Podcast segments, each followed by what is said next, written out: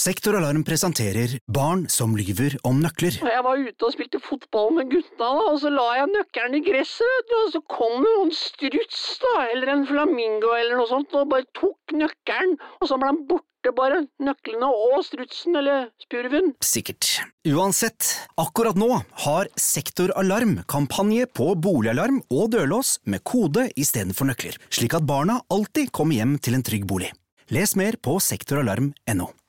Velkommen til Kjemperådet! Ohoi! Vi har fått inn et kjempekleint problem fra Trine Lure 22. Ok. Jeg leser. De to andre i kollektivet mitt har begynt å date, og jeg syns det er veldig kleint når vi skal se på TV sammen, og de bare skal kline. Ok, ja, Hvordan skal hun løse dette? Siden Trine Lure er under 30, får hun jo ubegrenset data fra Telenor fra 399 kroner. Da Da kan hun sette seg på sitt eget rom, streame så mye hun vil på mobilen. Ja, hun kan jo se på nye mobilabonnement på telenor.no. Ja, det er lurt. Har du et enkeltpersonforetak eller en liten bedrift? Da er du sikkert lei av å høre meg snakke om hvor enkelt det er å levere skattemeldingen med fiken, så vi eh, gir oss her. Fordi vi liker enkelt. Fiken superenkelt regnskap. Ja, gutter, nå har vi eh, så vidt landa etter vårt eh, liveshow. Som var eh, utrolig gøy. Det var jo to utsolgte forestillinger. Og dette må jo legges ut som podkast, Lars. Når kommer den? Nei, det er jo den eh, du hører på akkurat nå. Juleshowet det tok vi jo opp på lyd, vi tok det opp på video, men eh, nå kommer det i podkastform. Ja, det gjør det. Og, men jeg tenker det er litt viktig fordi at uh, dette liveshowet var jo på mange måter en sånn best of. Vi Ah. tok med mest kjente tidligere gjestene våre som har gjort podkaster med, og så Jannik. Espen Lie, Jonny Brenna, Jonny Haglund, Asbjørn Rachlew. Jeg kan nevne flere, men det var ingen flere. Så det, det kan godt hende at dere har hørt noen av historiene som kommer i denne episoden før. Og det er helt naturlig når det er en best of. Det er selvfølgelig Vi snakker om ting med gjestene våre som vi har snakket om tidligere i podkasten, men det er også ganske mye nytt. Det er masse nytt. Ja, blant annet så får jeg grisehjuling. Vi sier ikke av hvem. Det kan være hvem som helst. Så dere kan høre det her nå i denne podkasten, men eh, dere kan òg se det. Det er jo mange, mange elementer i det showet her som man ikke får sett i en podkast, og det kommer til å, dere til å høre også når dere hører disse episodene. Men det er ikke noe grunn til å begynne å syte og klage for det. Nei, for man kan bare gå inn på batong.no, og der finner du en link eh, hvor du kan gå inn og betale 39 kroner for å se showet i sin helhet. Og da får du den fulle opplevelsen. Det er nesten som å sitte der i salen. 39 kroner! Ja, det er en svart kaffe. Skal vi tilby noe her til våre faste lyttere? Selvfølgelig skal vi det. Dere, våre faste lyttere, skal få en liten bonus av oss. De som går inn og enten kjøper eller leier eh, showet, kan benytte seg av promokoden BATONG30 for å få 30% rabatt på kjøp eller leie. Og det, da går du inn eh, og signer opp enten via din Facebook-konto, Google-konto, eller signer opp eh, med en ny bruker på Vimeo. Og når du da skal til betaling, så har du muligheten til å legge inn en promokode, og da skriver du inn batong30 for 30% avslag. Fantastisk? Helt utrolig. Så da ender man totalt opp med 30 av Det gidder jeg ikke. Store bokstaver, batong30. Og med det så er det ikke noe annet å si enn Jo, det er faktisk en ting okay. til å si, og det er at uh, vi har allerede lagt ut billettene til uh, påskeshowet 5. april. Og uh, selv om vi ikke har annonsert ennå hvilke gjester som kommer og hva det showet skal inneholde, så kan jeg love deg at det blir bra. Gå inn på ticketmaster.no eller Facebook-arrangementet Avhørt påskeshow.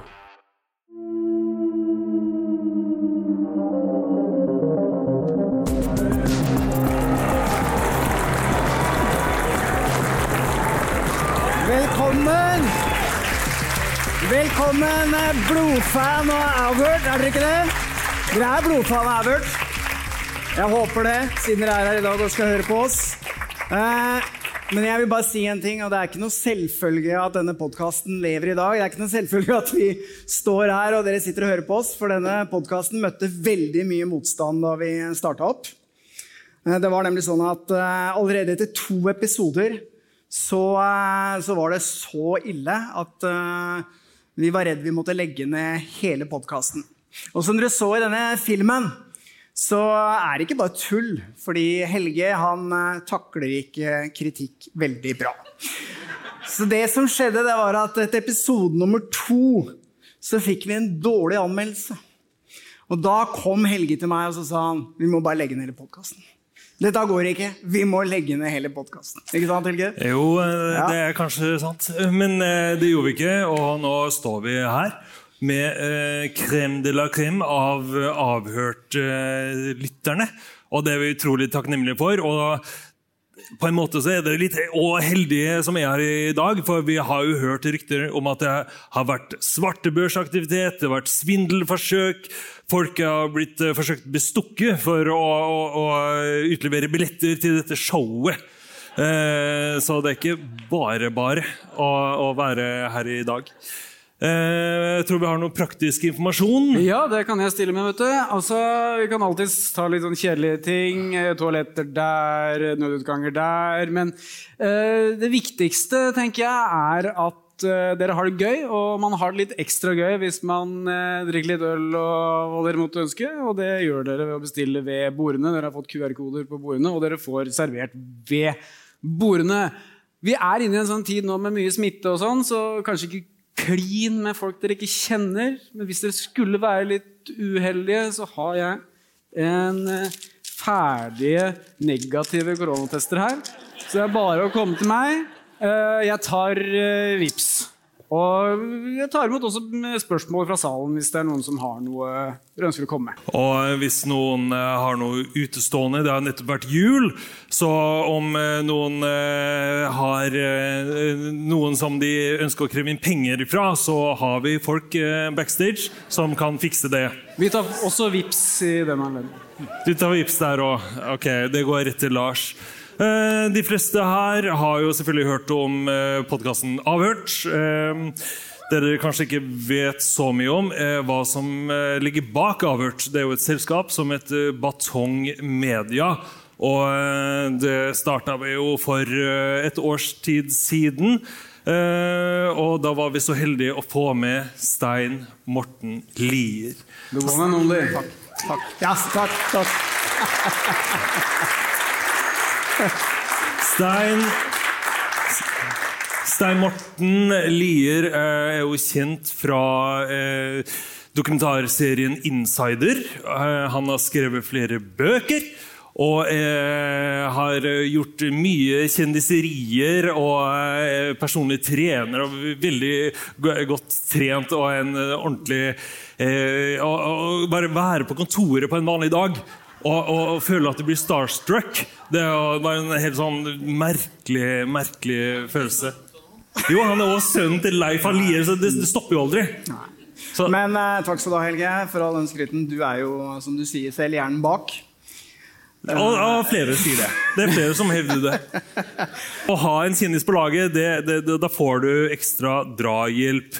Eh, du trenger liksom ikke jobbe det opp fra bunnen av, du er allerede på et ganske høyt nivå. Og, og, og det, det, Stein Morten er jo en person som pressen har vist ganske stor interesse for. Senest i Nordstrand Blad, som er en lokalavis. eh, Og på Nordstrand Årets lokale nyhetsnettsted. Hvilket år det var, det vet vi ikke, men det var et år. Det er ikke noe amatørgreier. Eh, de har sikkert levd lenge på den. Eh, Der stilte seg Morten opp til et intervju. Eh, Det var et såkalt Se på den henslengte foten der. Det positive blikket, det kjenner vi godt fra kontoret. Det var bare ett problem. De skrev Stein Morten Lien. Han heter jo Lier, men Stein Morten er like glad for det. Det spiller jo ingen rolle. Stein Morten Lien har iallfall et lager med hundemat. Det her var en Fem på gata-reportasje eh, der de spurte om sånn «Ah, Hva gjør du hvis jorda går under? Hva gjør du hvis eh, det blir tom for strøm og alt det greiene der? Men en sånn skrivefeil det går selvfølgelig ikke inn på det, det, det, Stein Morten. det spiller ingen rolle for Stein Morten, for han har så lite divanikker. Så det har ingenting å si. Et navn om du, ja, ja, Leif Lier og sånn, det spiller jo ingen rolle. Eller gjør det det? Stein Morten Lien. Hei, du, dette er Stein Morten Lier som ringer. Du, Dere hadde et lite oppslag her med meg fordi jeg sa ja til et lite intervju. Men det minste man kan forvente, kanskje, er at jeg skriver navnet mitt riktig, da. Jeg synes jo det er vel... Hvem er det som er journalisten her, da? Kirsti Ellefsen. Kirsti Ellefsen. Hæ? Nå skal vi til ansvarlig redaktør.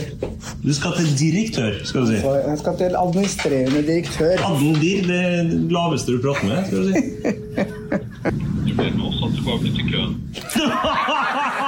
Ja, du. Dere ringer meg tilbake igjen hvis dere er så travle. Altså, jeg vet ikke hvem jeg skal med, snakke med. Dere har gjort et intervju med meg, og så klarer dere ikke å skrive navnet mitt riktig engang. Så da må vi hoste opp noen som kan svare på det. Hva skjer? Han er sur. Han er så sur. Han- Han, han stilte opp en sånn fem på gata-greie. Ja, ja, er og så er han en- sur for det var skrevet feil i. En bokstav feil. Han er ikke tullsur, han er ordentlig sur. Skikkelig sur. Kirsti Ellefsen. Nå har jeg sagt det fire ganger. Kirsti Ellefsen. De hadde ikke hørt om Kirsti Ellefsen, nei. Hvem er Kirsti Ellefsen? Hun er, bare, hun er, er jo bare da, behandler vaskehjelp. Og nå har han gått nå, ja. Ja, det er Lier, ikke Lien. Det er ganske stor forskjell. Det fikk, en, eh, det fikk en lykkelig slutt. Stein Morten fikk eh, navnet sitt korrekt i avisa. Og eh, like eh, glad eller misfornøyd alt ettersom. Ja, takk, Helge. Uh, vi er selvfølgelig en ansatt til i Batong Media. Dere så henne et lite øyeblikk på filmen her. Vi var jo nødt til å skaffe oss en sikkerhetsansvarlig. Uh, vi uh, har jo en del sånne shady karakterer på besøk hos oss. Noen av dem sitter bak her og venter nå. Og vi legger, oss, vi legger oss også ut med folk, så innimellom så er jo folk ganske forbanna på oss, da. Og truer oss litt. Så vi tenkte vi må ha en sikkerhetsansvarlig, og så da kjøpte jeg meg en rottweiler. Og hun eh, tar jobben sin på alvor, altså. Denne rottweileren her er spesialopplært til å merke om det går eh, mistenksomme karakterer på utsiden av vår dør.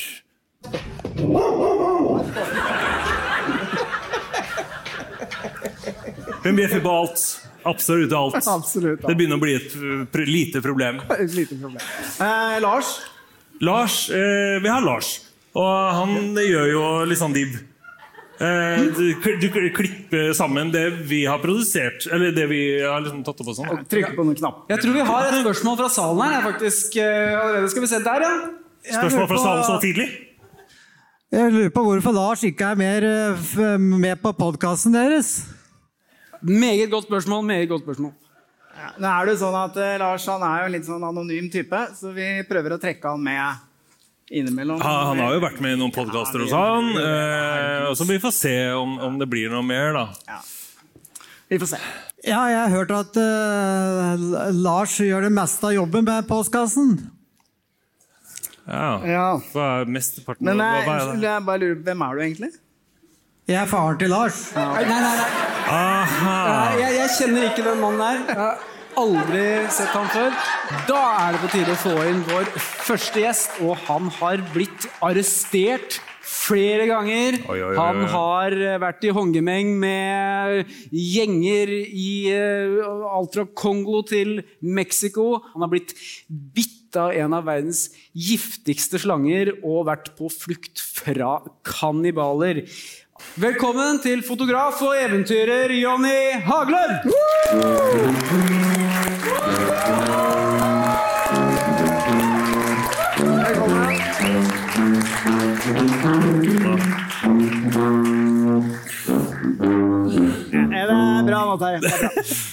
Indiana Jones Uh... Ja, det var litt drøy, den der eh, introduksjonen der. Også det, man forklare det at eh, når det altså, På flukt fra Cannibal, som er en sånn Donald Duck-figur som er ute og men det er jo sant. Altså, i, på en måte så er det, det som skjedde, var at jeg var på Ny-Guinea og har vært der en stund, langt inn i regnskogen, og et område hvor det fortsatt praktiseres kannibalisme. Det er viktig å påpeke. Det gjør det. Men det er ikke sånn at de går rundt og sikler på en eh, når jeg kommer inn der, som er litt rund, kanskje. Så, Jeg ser for meg jeg har sett i Donald Duck sånn jernkjele. Ja, ja, oppi der og så litt salt og pepper. Og, oppe med pepper over hodet. Altså, det gjorde jeg også da disse som var med meg, fortalte at uh, her har det skjedd noe. En mann har blitt, uh, er, er død. Og de trodde det var åndene som hadde drept ham fordi de hadde sluppet meg inn i deres rike. da. Og så For å blidgjøre åndene så skulle de da drepe og spise meg, fortalte mine bærere og min kjentmann til meg. Og så, Han snakket dårlig engelsk, og, og jeg snakket dårlig indonesisk, så det var liksom sånn halvveiskommunikasjon. Men klart at til å begynne med så tenkte jeg akkurat som du sier nå, at der sitter jeg i en gryte med ikke sant, også pepper og hodet mitt. Men det som gjorde det litt ubehagelig, var at de fikk jo panikk. Altså, de var så redde. Og, og jeg blir jo smitta av det, selv om jeg, på en måte, jeg så jo ingen mennesker rundt meg. Det var bare regnskog. Og vi gikk faktisk da i fire døgn. Altså. Fire for, døgn? Fire døgn gikk vi for oss å okay. komme ut derfra. Og, Og unngå disse kandalene? Ja, ut av den, Ja. det området til den stammen her. da. For jeg mente at Hvis vi ikke gjør det fortest mulig, så viser det at vi ikke respekterer dem. Og det er også sjansen for at vi da kan bli tatt. ikke sant? Så begynner med så lo jeg av det, men jeg skal love at noen, etter en dag så lo jeg ikke lenger av det. fordi du, du blir grepet av litt sånn uh, frykt. Jeg også ble det. Og, og så, samtidig så følte jeg hele tiden Jeg så ingen. Men jeg følte at jeg hele tiden ble jaktatt. At noen fulgte meg, så meg. Det er en veldig ubehagelig følelse også. Det er rart å sitte her og si det. Men når det er i regnskogen, så skal jeg love at du blir litt grepet av den situasjonen. Så Men ja, det var likevel så skal du tilbake. Jeg skal tilbake hit. Eh, Planen er tilbake nå. Så var jeg planen å dra dit i fjor, da, men pga. pandemien så, så har alt gått på tverken. Men eh, planen nå er at jeg drar det sammen med Alexander Gamme i oktober-november i år.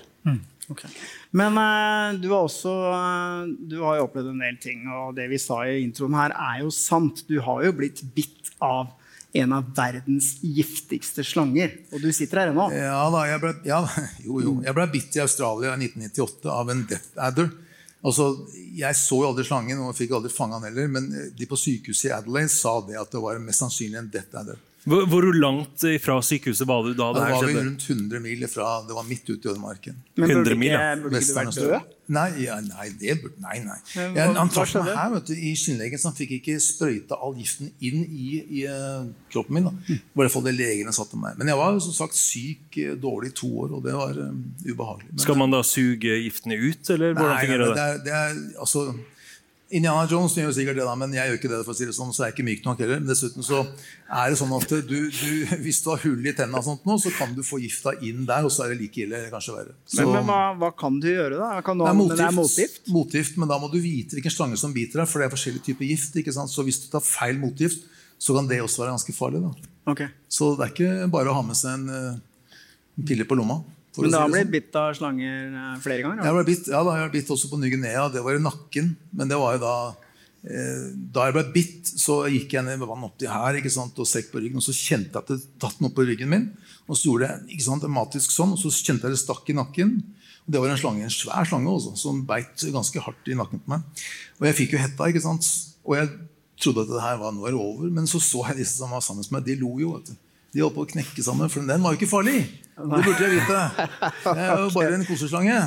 Så- Men, men Hva var reaksjonen da når, når de ut? begynner å le at du blir stukket av en slange? Vet du hva, du, det er eh, man- blir ikke sinna. Det er, så det er forskjellig vi, vi lever i to forskjellige verdener. ikke sant? For dem så er det helt naturlig.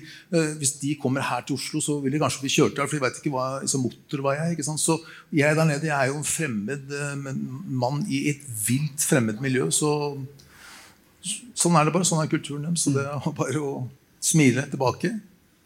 Men vi sa jo i introen også at du har blitt eh, arrestert. Du ble jo arrestert i Ja. Aserbajdsjan. Jeg ble arrestert i Aserbajdsjan mistenkt for industrispionasje fordi jeg fotograferte sånn oljefelt utenfor Baku. Forferdelig greie. Det også var jo da, dette var jo noen år tilbake, så var Statoil som var med på dette her. og for eksempel, altså hadde rør som førte olje, som hadde ligget der i 25 år, men som bygget for å tåle kun maks syv år. da. Så det lakk det var jo olje overalt der. ikke sant? Så da fotograferte jeg. Eh, politiet kom, arresterte meg og kjørte meg rett inn i, til politistasjonen. og, og De konfiskerte kamerautstyr, og jeg skulle i fengsel. og Dette her var en internasjonal sak. og det var ikke måte på, ikke sant? Men så ser jeg politisjefen, han har blond kordør, vet du, litt sånn svære blond kordør. Ja, jeg driver med kampsport hele livet mitt, med judo. ikke sant? For det er sånn man får når man eh, Ja. står i, i kamp og gnikker Ja. over lang lang tid. Så får du dette såkalte blomkåløret. Ja, du får, litt sånn, du får litt sånn bruskdannelse i øret. her sånn, og Det er jo spesielt sambo, bryting, den type ting. Ikke så mye judo, heldigvis. Men i alle fall også, så begynte jeg å spørre ham. liksom, og han drev med det. Først ville han, ikke, ville han ikke svare. Og, men så, så ble jeg litt interessert, da, og så begynte vi å snakke. Og så sier at jeg driver med judo og har gjort hele livet. Og så, ja vel, ja, så fikk jeg et par kontrollspørsmål, da, og så skjønte jeg at jeg faktisk drev med judo. Da var det, oh, welcome to Azerbaijan, og her, eh, shake hands, og så kom med kamerastyr, og så var jeg kjørt med skorte tilbake til hotellet mitt, og have a nice day. Og bildene som du hadde Ja, tatt. bildene, den beholdt jeg selvfølgelig. Ja, ja, ja, så det var greit òg. Ja, ja, det var- Så denne store Ja, katastrofen som eh, ja, ja, Det var ikke noe big deal. Jeg merker det ofte, jeg har jo blitt arrestert i Kongo også, og andre steder, og, og det er jo ofte et påskudd for å få penger. ikke sant?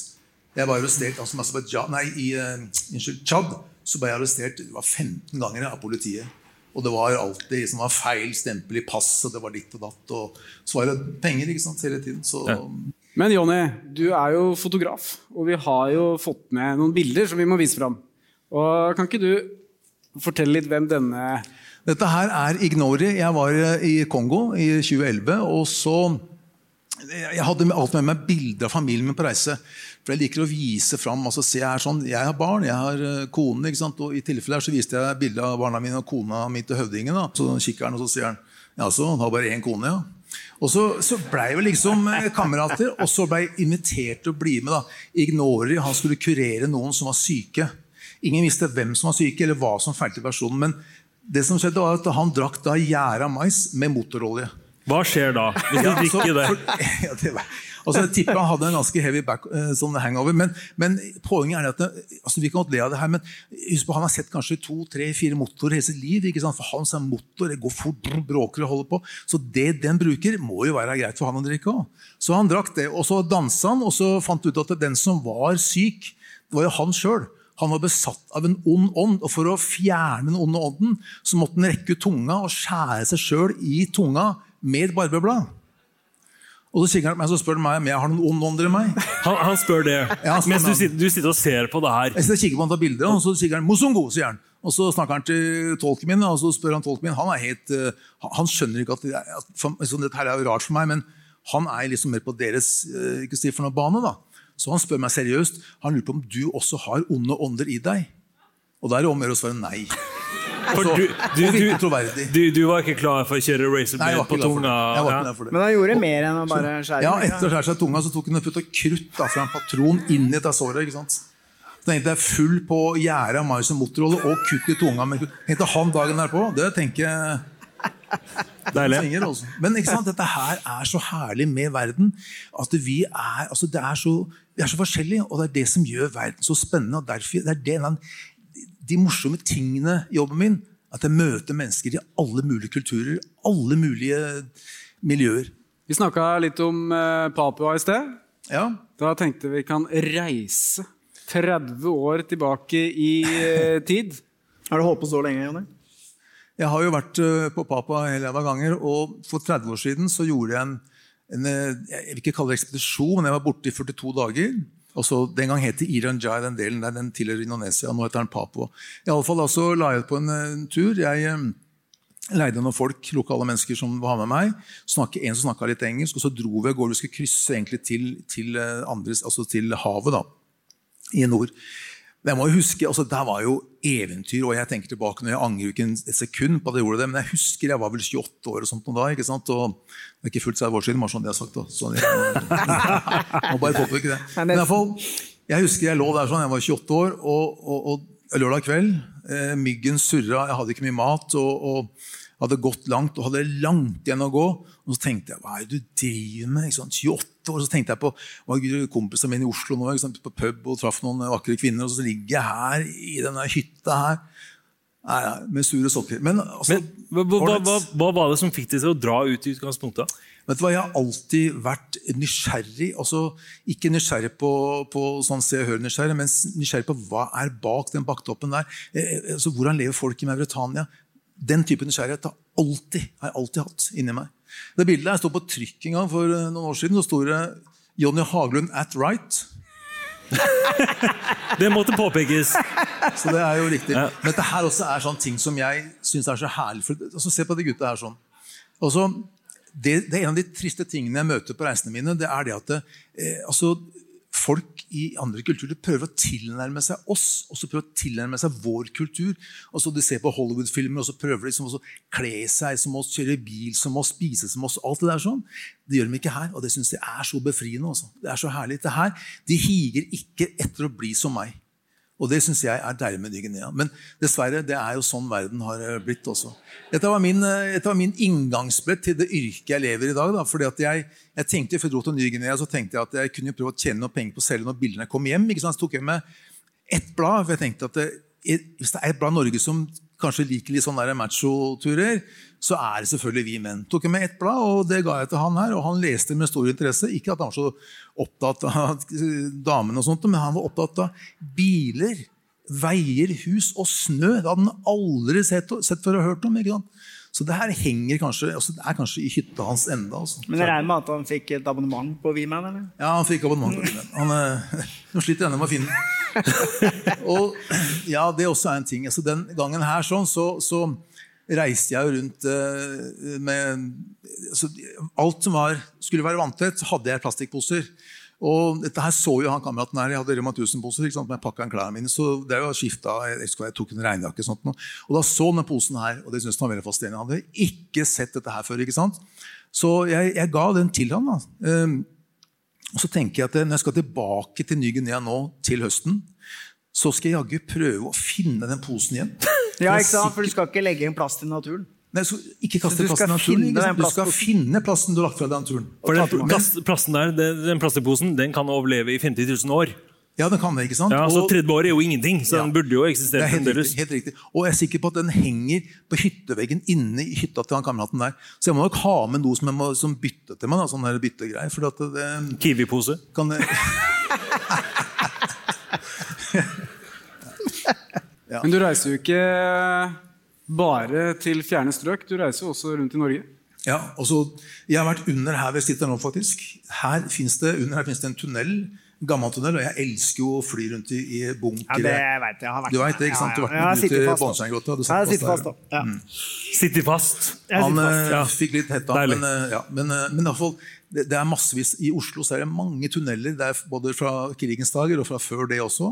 Og så er det også noen, til og med noen naturlige grotter rundt omkring her som jeg liker å klatre i. Og dette her er fra en spøkelsesbygd vil jeg kalle det, oppe i Hallingdal. Og så Her har det bodd folk siden 1600-tallet. Og det står her enda, altså husa, gamle hus. Og, og det merkelige er at det er akkurat sånn folk som de som bodde her, de bare dro her for en dag på 70-tallet, tenker jeg.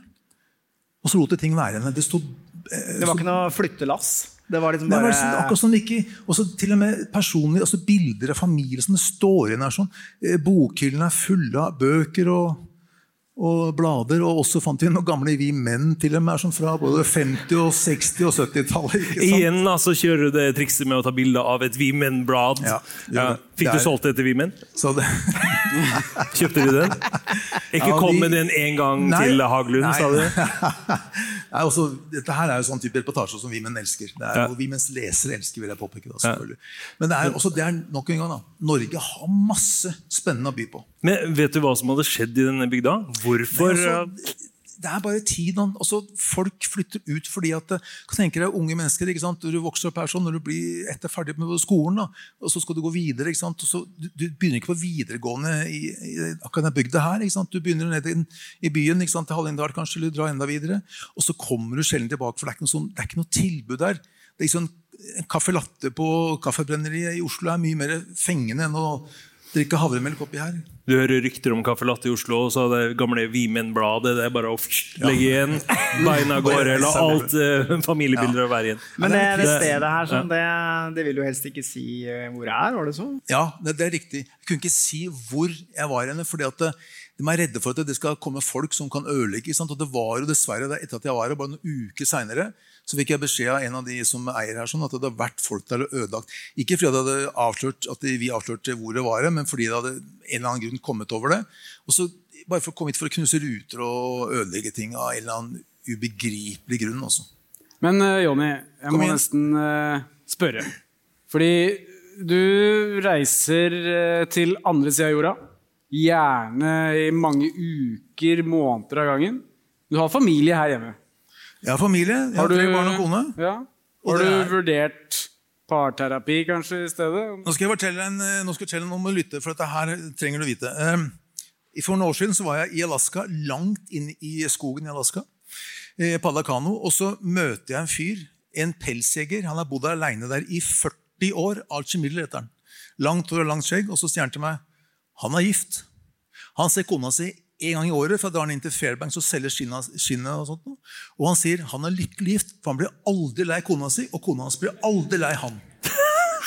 Så skjønner poenget? Så det å reise og så være borte fra hverandre en stund, det er så sunt. For du, du, når du er hjemme sant? du går i beina på hverandre hele tiden, så tar man ofte ting for gitt, og så blir man lei sånne småting. ikke sant? Når du får det på avstand, så glemmer du det. Og så når du kommer tilbake, så er du nyforelska. Ah, livet er herlig. Og det gjelder ikke bare kona mi, men det gjelder barn, trening, mat, alt. Og bare sitte her i en komfortabel sofa når du ligger på den, så den der senga lå på på Ny-Guinea. Ligge der en måneds tid, skal jeg love deg at du syns det er greit å komme hjem til en behagelig seng hjemme. Også. Ja, for det er jo litt eh, livsfilosofien din at uh, hvis du har det bra hele tiden, så setter du ikke noe pris på det. Men hvis du har det skikkelig kjipt i tider, så setter du pris på å sitte i sofaen. Det er så, det med å så ha det ubehagelig en stund I Norge så er det sånn at vi de fleste av oss vi, vi, vi, fryser jo sjelden. Vi er aldri sultne eller tørste liksom, hvis det ikke er trening. kanskje, Men liksom, vi har et komfortabelt liv. Hvis du er borte fra den sofaen en måneds tid og kjenner at du virkelig lever Du, du, du er kanskje sulten, du fryser, eller du svetter, du kaster mygg. Når du da kommer hjem og setter deg i sofaen og har en pizza foran deg, kald cola og en fin film, så, så skjønner du hvor vanvittig deilig det er. Men gjør du det hver eneste dag, så blir du lei det. Jeg blir for veldig lei det. Vet du hva, Jeg er enig med deg i det, men jeg blir ikke med til Ny-Guinea for det. Det kan du glemme. Eh, Jeg tenker vi skal få inn eh, en til i sofaen her. Ja, vi må til det. å få litt sånn eh, stemning her. Nå skal vi møte en som også har blitt arrestert mange ganger. Og han har også reist hele verden rundt. Navnet hans blir oppfatta som en trussel, og han har noen litt sånn spesielle sjekketriks som jeg tror vi skal spørre han om. Espen Lie!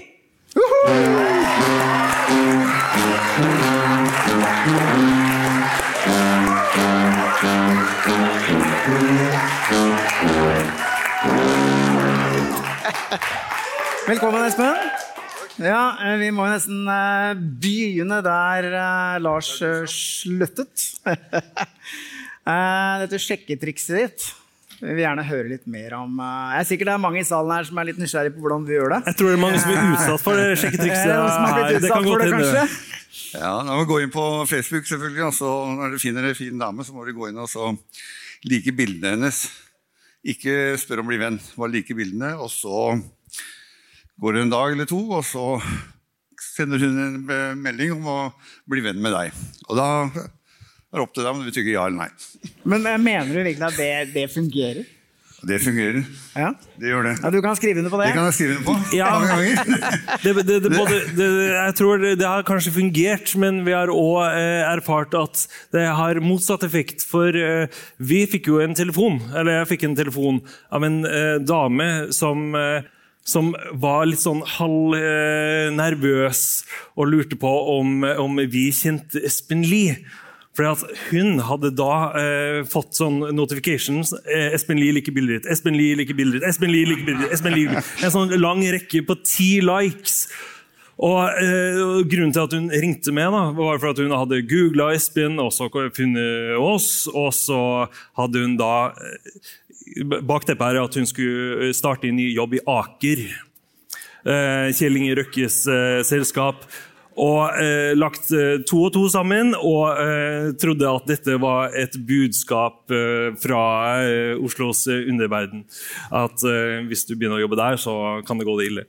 Men eh, det var bare du som syntes hun var søt på Facebook. Men det betyr jo da Ja, det, var, det var ikke verre enn det. Men det betyr jo da, Espen, at eh, du har skremt livskitten ut av en del kvinner også. og Ja, det hører sånn ut. Men du, eh, når vi er inne på det med skremt, så er det jo sånn, for vi har jo vært med deg på en del turer. Og vi legger merke til en ting at når du presenterer deg, når du sier navnet ditt, så er det mer enn nok til at de ringer politiet, og politiet rykker ut. Så navnet ditt er på mange blitt en, måte blitt en trussel i seg selv. da. Hvordan er det å leve med et sånn belasta navn, Espen? Jeg vet ikke hva jeg skal si, si til det, men det, var, det, er jo, det, er jo, det jeg heter. Og det er ikke forbudt å hete Espen Lie i dag. Foreløpig. Og det vet jo ikke denne staten her, så vet man ikke hva som blir etter hvert. Men foreløpig så er det i hvert fall vel lov til å hete det. Men eh, Espen Lie har blitt et merkenavn. Og eh, de fleste har vel hørt om, eller hørt i hvert fall navnet i en eller annen sammenheng. Og eh, det å være såpass kjent at eh, noen da ikke liker det eller blir redde, det er Jeg tror ikke det er noen som sitter her som, som, ikke, altså som, som da ikke skylder penger, men ville blitt redd hvis jeg hadde ringt. Det tror jeg ikke. Men det hender at jeg ringer både til statlig og andre steder, og hvor jeg da ringer, og så hører jeg når jeg har sagt hva jeg heter, og så blir det helt stille. Fire-fem sekunder, og så Ja, og hva vil du? Men her har jeg et sånn lite, lite, lite spørsmål. Fordi har du da gjennom din karriere noen gang vurdert å kanskje endre navn til noe som ikke er like belasta? Liksom Espen Eckbo, f.eks. Det er jo ikke et like, like belasta Espen-navn. Nei, Det er sikkert ikke belasta, men eh, nei, jeg kunne aldri tenkt meg å bytte navn i dag. Nå har jeg hatt dette i så, såpass mange år at eh, det får holde de siste åra. Jeg tror ikke du får de samme jobbtilbudene heller hvis du heter Espen Eckbo. Det gjør nok sikkert ikke heller. Jeg får noen skuespillerjobber, da, kanskje? Men eh, Espen, eh, det er jo en grunn til at folk ringer til politiet når eh, du presenterer deg. Og, eh, for du har jo blitt omtalt som en torpedo og en eh, pengeinnkrever og en eh, farlig mann. Eh, Er du en farlig mann? Nei, jeg Siste gang jeg starta et slagsmål, da var jeg 17 år, og da fikk jeg grisehjuling. Jeg, jeg husker det som skulle vært i går. Og da begynte jeg å trene, faktisk, etter det. Og etter det så har jeg aldri starta et slagsmål. Jeg har aldri begynt på noe eh, sånt. Men jeg dessverre, noen ganger, eh, ikke takka nei til dansen som har blitt budt opp på. Ja, For du har jo, du har jo blitt skutt også. Kan du fortelle om det? Ja. Jeg har blitt skutt, både her hjemme i Norge og i Afrika. Eh, Jeg tror alle mannfolk har blitt skutt en eller annen gang. Er det flere her som har Opp, eh, Ja, det er, ikke det, er ikke sånn krav for å bli mann, da? Var det jeg trodde. I hvert fall det jeg trodde. intervjuet er avgjort så enten bitt av slange eller skutt. Ja. ja, det er kanskje enda verre å bli skutt med slange. Da sleit med det i to år. Jeg sleit, jeg sleit med det i ja, ca. en uke. Kula gikk inn i hofta, og så fulgte den blodbanen og inn i hjertet, og så ble jeg operert en ukes tid etterpå. Så, ja. Ja. Det vil da si at du er godt trent og har stort hjerte. Og det store hjertet det bruker jeg i dag til å hjelpe andre mennesker for å få inn det de eh, har vært så tjukke i huet. Altså, og lånt bort til noen venner, eller hva det måtte være. Ja, for nå er vi jo inne på noe eh, veldig viktig her, Espen. Fordi at eh, du, du har jo en jobb hvor du prøver å få tilbake verdier. Hvis noen har blitt svindla eller lurt eller frastjålet osv. Kan du fortelle litt om hvordan du jobber? Ja, Det er en statshemmelighet hvordan jeg jobber. For det, da kan jo de her som sitter her, som skylder penger, jeg vet hva jeg kommer til å gjøre. Så det kommer i for, for, i forkant her. Sitter Ja, men- en der som skylder penger før, du, før du fortsetter, du, du har alltid sagt at når du kommer inn i et rom, så kan du se hvem som skylder penger. Kan du, kan du bare plukke ut et par Ja, det er rimelig mørkt, men jeg ser det sitter en der borte som i hvert fall skylder penger. Stemmer ikke det? Der, der har vi en. Der har vi en. Ja, det er enda en til. Den så jeg ikke. Men, eh, men ok, men eh, folk kommer til deg og ønsker hjelp. For, for, for greia med, Det er ikke bare du eh, som blir oppringt og spurt om kan du skaffe noe eh, Denne personen skylder meg penger, kan du hjelpe meg? For du er ikke et one man-show. Nei, jeg begynte jo som en eh, one man show. Og i dag så er vi tolv personer. Vi har eh, eh, gravere eller hackere. Vi har eh, tidligere advokat. Vi har ja, vi er tolv stykker og, som deler oss på de forskjellige jobbene. og Vi, har forskjellige oppgaver, da. Og, så det er riktig at jeg ikke er aleine i dag, per i dag. Men Espen, det er jo ikke bare i eh, Norge du har gjort deg eh, bemerket. Vi har jo hørt rykter om at eh, du har liksom opparbeidet rykte i andre land. Og Jonny, du var jo en tur i Colombia. Kan du fortelle om det? Jeg var i Colombia før jul, en måneds tid, og så var jeg borti den smaragdverden og lagde reportasje der. og da fortalte jeg til disse lokale der, disse, i Smaragd, disse fra Colombia, at jeg er fra Norge. og Da lurte de på at oh, ja, også, det var en nordmann her for noen år siden. En svær, farlig mann som het Espen. Kjenner du han, eller? Vet du hvem det er, Espen? Det må være Farc-geriljaen, da. ja, det er ikke at det var den. Det kan godt Hva kunne du si om Espen, da? Altså, jeg bare sa at jeg, vet, jeg har irrespons, jeg, så jeg har gått om der. Så å, respekt. Så du hadde, et, eh, du hadde liksom, du hadde virkelig satt deg respekt der borte. på et, altså, det, om det gikk i arv fra far til sønn, pass deg for han svære nordmann, så kommer en svær kar med lyst hår og heter Espen. Hold deg unna. Jeg vet ikke om det var det. Nei, det vet jeg ikke. Det er jo de tre bukkene Bruse. Du har det. Men eh, ja, jeg var der borte i, eh, i Colombia for noen år siden, og da passa jeg på Alex Rosén. Han hadde et, eh, et show, eller ja, en greie på NRK. De, de hadde en TV-serie som heter Folk i farta. Folk, de var på, på jakt etter noen rubiner. Smaragder. Smaragder i, i Colombia. Det var eh, det som var eh, greia der, og NRK ville ikke da slippe eh, Alex Rosén og et par andre oppi der før de hadde med seg beskyttelse. Men er bare et kort spørsmål, Espen. Jeg tenker, du, så, du forteller så mange fine historier og, og spennende saker. Du, vi snakka litt i stad også bak her. Du har jo ikke én dag som er lik, har du det? Nei, ingen, ingen Nei, er ikke det er ikke ganske herlig? Jeg tenker, jeg, jeg lever jo for å også, også, i sånn eventyr og også gjøre ting som er litt annerledes. Og det, du også gjør jo det. Jeg syns det er fascinerende å høre på oss. Ja, jeg, jeg, jeg gjør det. Altså, det er ingen dag som er lik, og jeg skal ikke si at jeg gleder meg å gå på jobb hver dag, men, Nei, nei, men også- jeg, jeg, gleder meg til å stå opp Ja. og, og se hva den dagen bringer. Ja, og der tror jeg du sier vi mye bra. For at de å kunne våkne om morgenen og glede seg til å stå opp, altså det, er, det, er det, som er, det er hverdagene som er livet. ikke sant? Så det er viktig. og Jeg har akkurat samme følelsen sjøl, så det er moro. Før vi går til pause, for vi skal ha en liten pause, så bare lurer jeg på, Espen, eh, jobber du med noen spennende saker akkurat nå? Ja, jeg jobber med, jobber med, med spennende saker. eh, Jeg skal, vanskelig å si hver dag, men i hvert fall i løpet av en måned så er det eh, noen vanskelige saker. Eh, Jeg jobber med én som er en trist greie. Eh, Hvor det er misbruk av eh, barn, og ikke barnet kan få lov til å komme tilbake til Norge. Det er etterlyst Interpol, men eh, norske myndigheter gjør dessverre ingenting med, med barn som er eh, ute av landet. De hjelper heller ikke til på noen som helst måte for å få det tilbake, selv om far har omsorg for, 100% omsorg for barnet. Og det barnet sitter nå et sted og sulter. Og eh, vedkommende er seks, seks år. Og tenn, melketennene begynner allerede å dette ut. Og du ser eh, Ja, det er forferdelig å se på. Eh, det er sånne type eh, saker som du kan få, og så er det selvfølgelig en sak som jeg holder, Hvis det er noe som fra Hamar her, så ja, så holder, jeg holder på med en eh, sak oppe i Hamar som er vel den største svindelsaken i Hamar. Du har sikkert hørt om det, går ut ifra? Ikke noe navn nå. Ja, det, det har stått i avisen òg nå. Men eh, der er det da en fyr som har eh, svindla for eh, 100 millioner kroner. Han har tatt 40 millioner kroner av sitt eget firma og sendt ut av landet, som er også er ulovlig.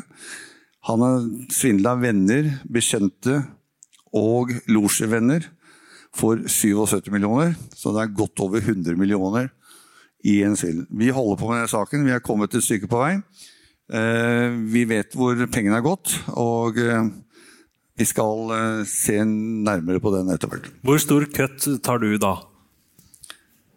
Jeg jobber jo bare for veldedighetens skyld. Ikke sant? Fantastisk! Da Men, er det eh, men, men, men. Vil bare si en ting da før vi går til pause, Helge. At vi har jo bare svindla den for 250 kroner, så det er småpenger i forhold til det greiene her. Vi eh, går til pause nå, og grunnen til at vi må ha en ti minutters pause, er for at vi må gjøre en liten sånn eh, omrokering eh, på scenen. Men ti minutter så er vi tilbake med nye gjester og litt slåsskamp og Ja, det er mye som skjer, er det ikke det? Det er bare å glede seg. Vi ses. Avhørt er produsert av Batong Media. Redaksjonen vår består av Stein Morten Lier, Helge Molvær og Lars Christian Nygårdstrand. Temamusikken vår er laget av Georg Roaas, og du finner oss på Facebook som Batong Media. Og som vi nevnte i starten, billetter til neste show, påskeshowet 5. april, er ute nå. Ticketmaster.no. Løp og kjøp før de forsvinner. Har du et enkeltpersonforetak eller en liten bedrift? Da er du sikkert lei av å høre meg snakke om hvor enkelt det er med kvitteringer og bilag i fiken, så vi eh, gir oss her, vi. Fordi vi liker enkelt. Fiken superenkelt regnskap. Ungsamtalen fra DNB er økonomisk veiledning tilpasset deg som er ung. Bokk en ungsamtale på dnb.no. ung. Ok, det var jo en syk døll måte å forklare ungsamtalen på, da. Hæ? En smart prat om penga mine, ville jeg sagt. Ikke sånn kjedelig økonomisprat, skjønner du.